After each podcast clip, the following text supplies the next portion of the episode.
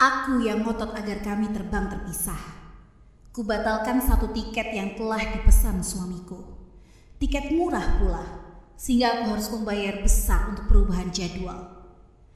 Tapi biar saja, aku merasa lebih aman begini, terbang terpisah darinya. Kamu terlalu dramatis, Ari, katanya.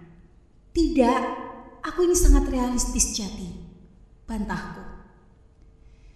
Sejak dua anak kami sudah bisa tidak ikut dalam perjalanan, sejak kami telah bisa meninggalkan mereka di rumah, aku memutuskan untuk tak akan terbang bersama suami dalam satu pesawat lagi, atau terbang pada waktu bersamaan. Salah satu di antara kami harus terbang lebih dulu. Setelah pesawatnya dipastikan mendarat dengan selamat, barulah yang lain boleh berangkat. Ini keputusanku yang harus dilaksanakan. Jika suamiku menelikung tidak menurut, seperti kemarin ia mengurus tiket kami, ia akan tahu rasa. Aku membatalkan tiketku dan memesan sendiri. Statistik mengatakan moda transportasi pembunuh paling besar adalah lalu lintas darat. Begitu katanya. Kecelakaan maut motor lebih banyak daripada kecelakaan pesawat. Itu statistik.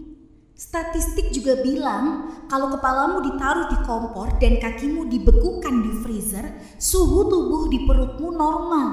Bantahku. Bagaimana kita mau mengabaikan fakta? Adam Air terbang tanpa alat navigasi. Adam Air jeblok di laut. Mandala jatuh waktu lepas landas.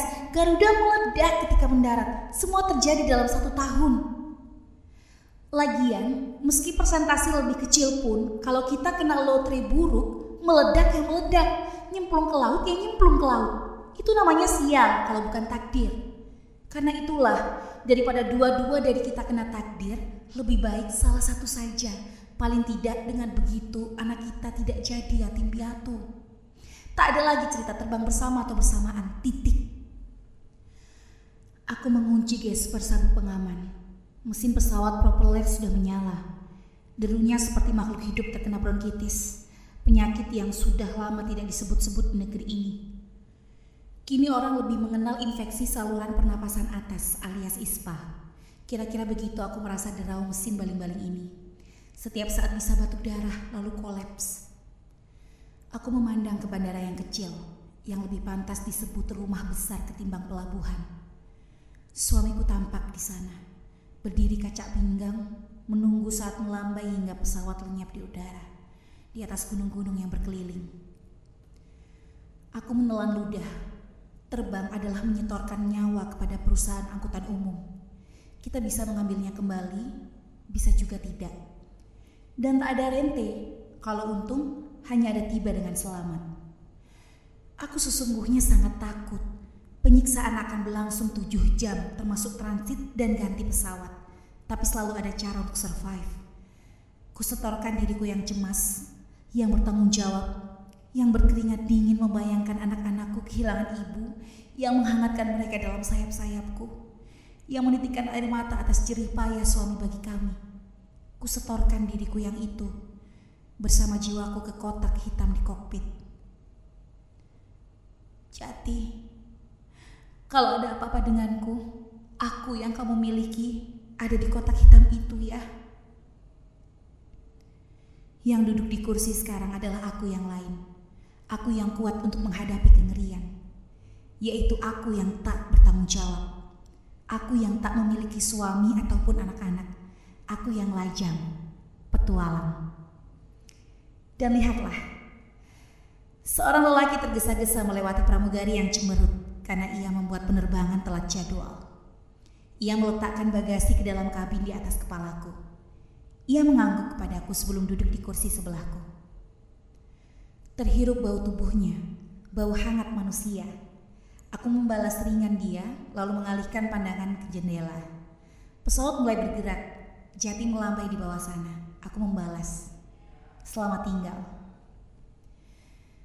Kira-kira dia adalah seorang peneliti, seorang peneliti lapangan, seorang peneliti yang biasa di alam bebas di hutan, bukan di lab, di goa, di padang rumput berpasir.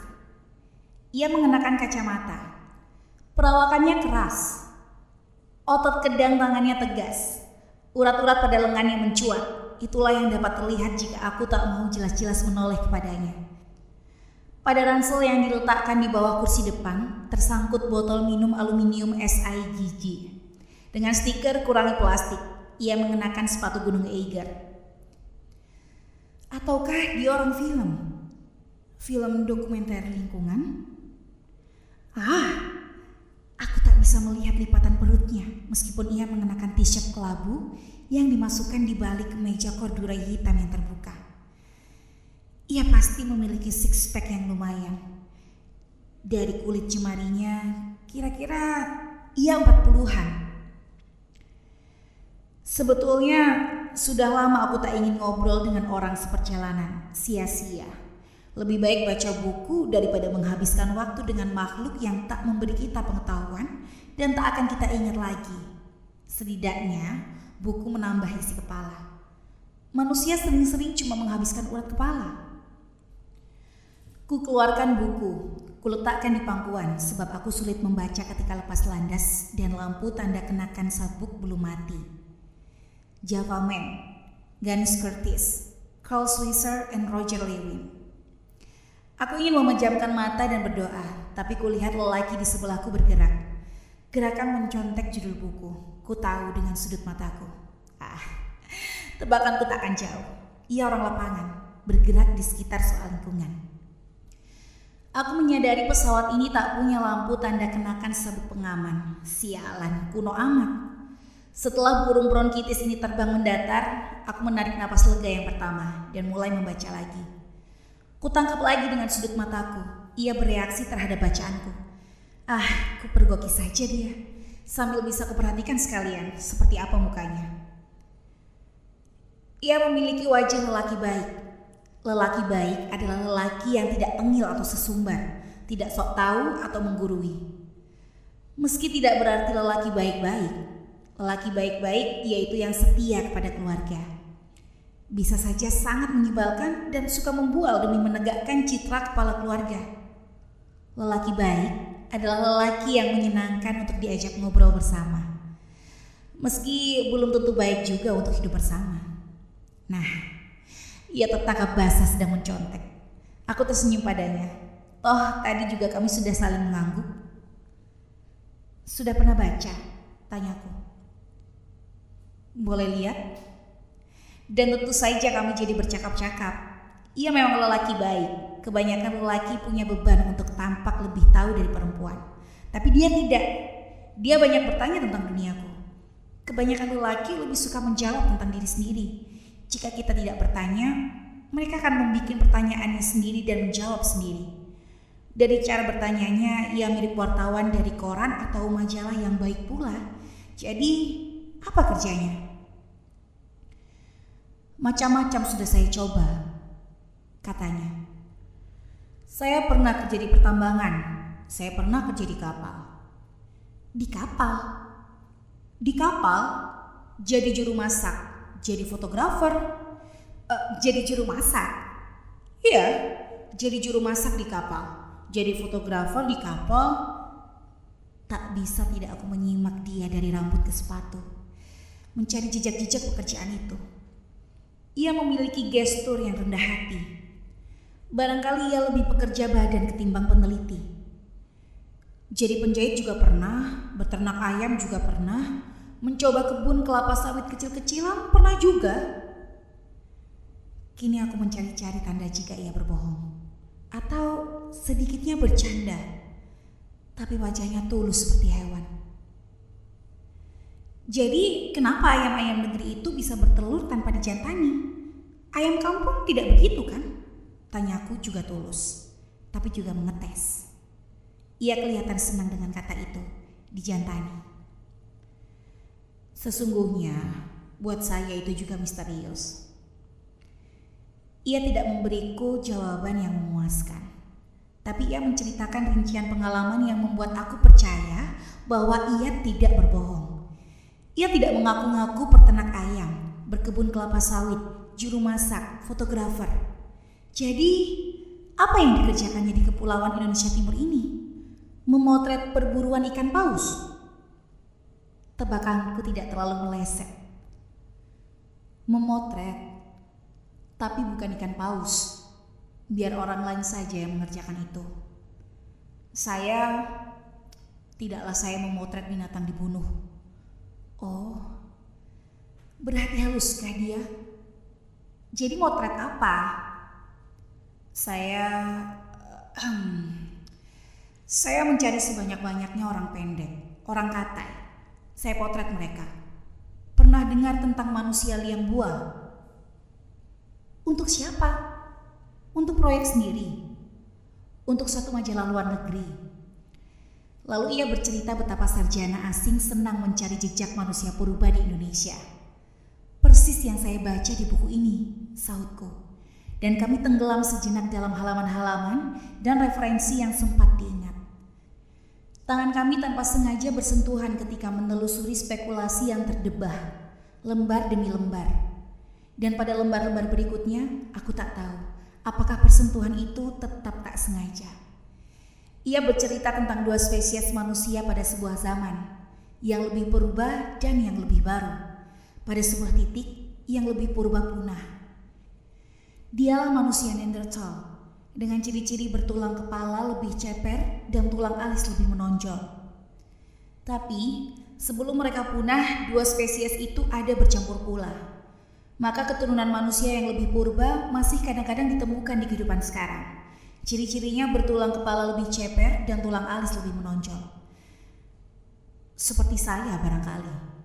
Ia nyinyir lucu. Aku memerhatikan dia. Ah, itu kayak membuat wajahnya tampak tulus seperti hewan.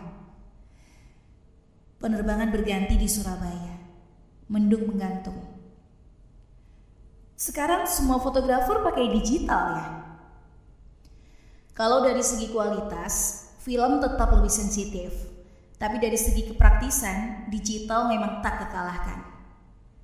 Saya tidak suka teknologi. Teknologi membuat yang tua tidak dihargai, semua barang elektronik cepat jadi tua dan tak berguna. Tidak adil. Kenapa ku keluhkan ini? Adakah diriku yang cemas dan menyadari bahwa aku tak terlalu muda lagi untuk bergenit-genit dengan lelaki?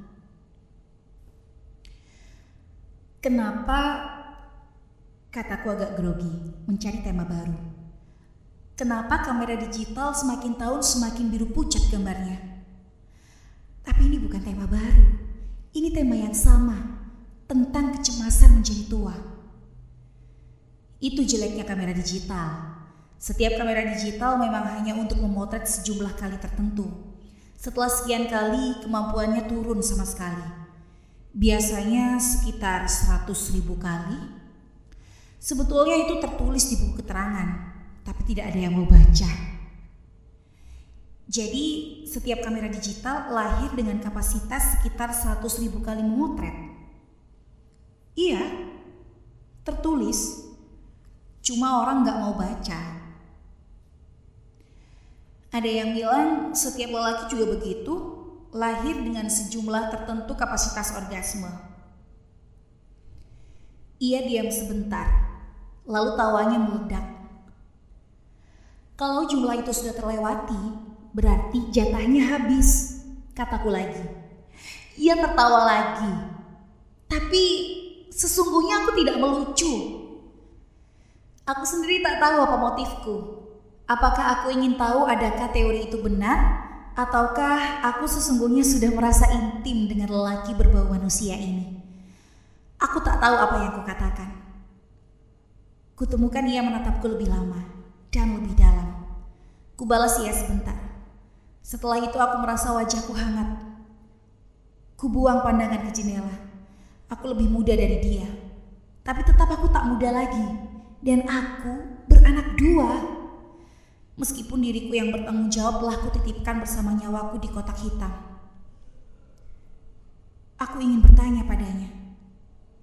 Jatahmu sudah diboroskan belum? Pesawat melonjak bagai ada lubang besar di jalanannya. Lampu tanda kenakan sabuk pengaman menyala. Aku merasa berayun ke kiri, ke kanan, seperti dalam bis malam yang mencicit di jalan licin berbatu. Aku mencoba tidak mencengkeram dahan kursi, tapi keringat dinginku merembes sedikit di dahi.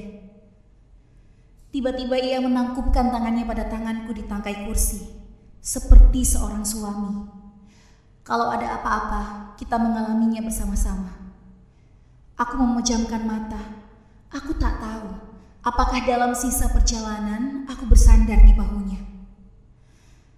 Tapi pesawat mendarat juga di Soekarno-Hatta. Ia membantuku mengemasi bagasi. Aku telah di tanah lagi. Aku harus pergi ke kokpit, mengambil kembali nyawa dan diriku dari kotak hitam.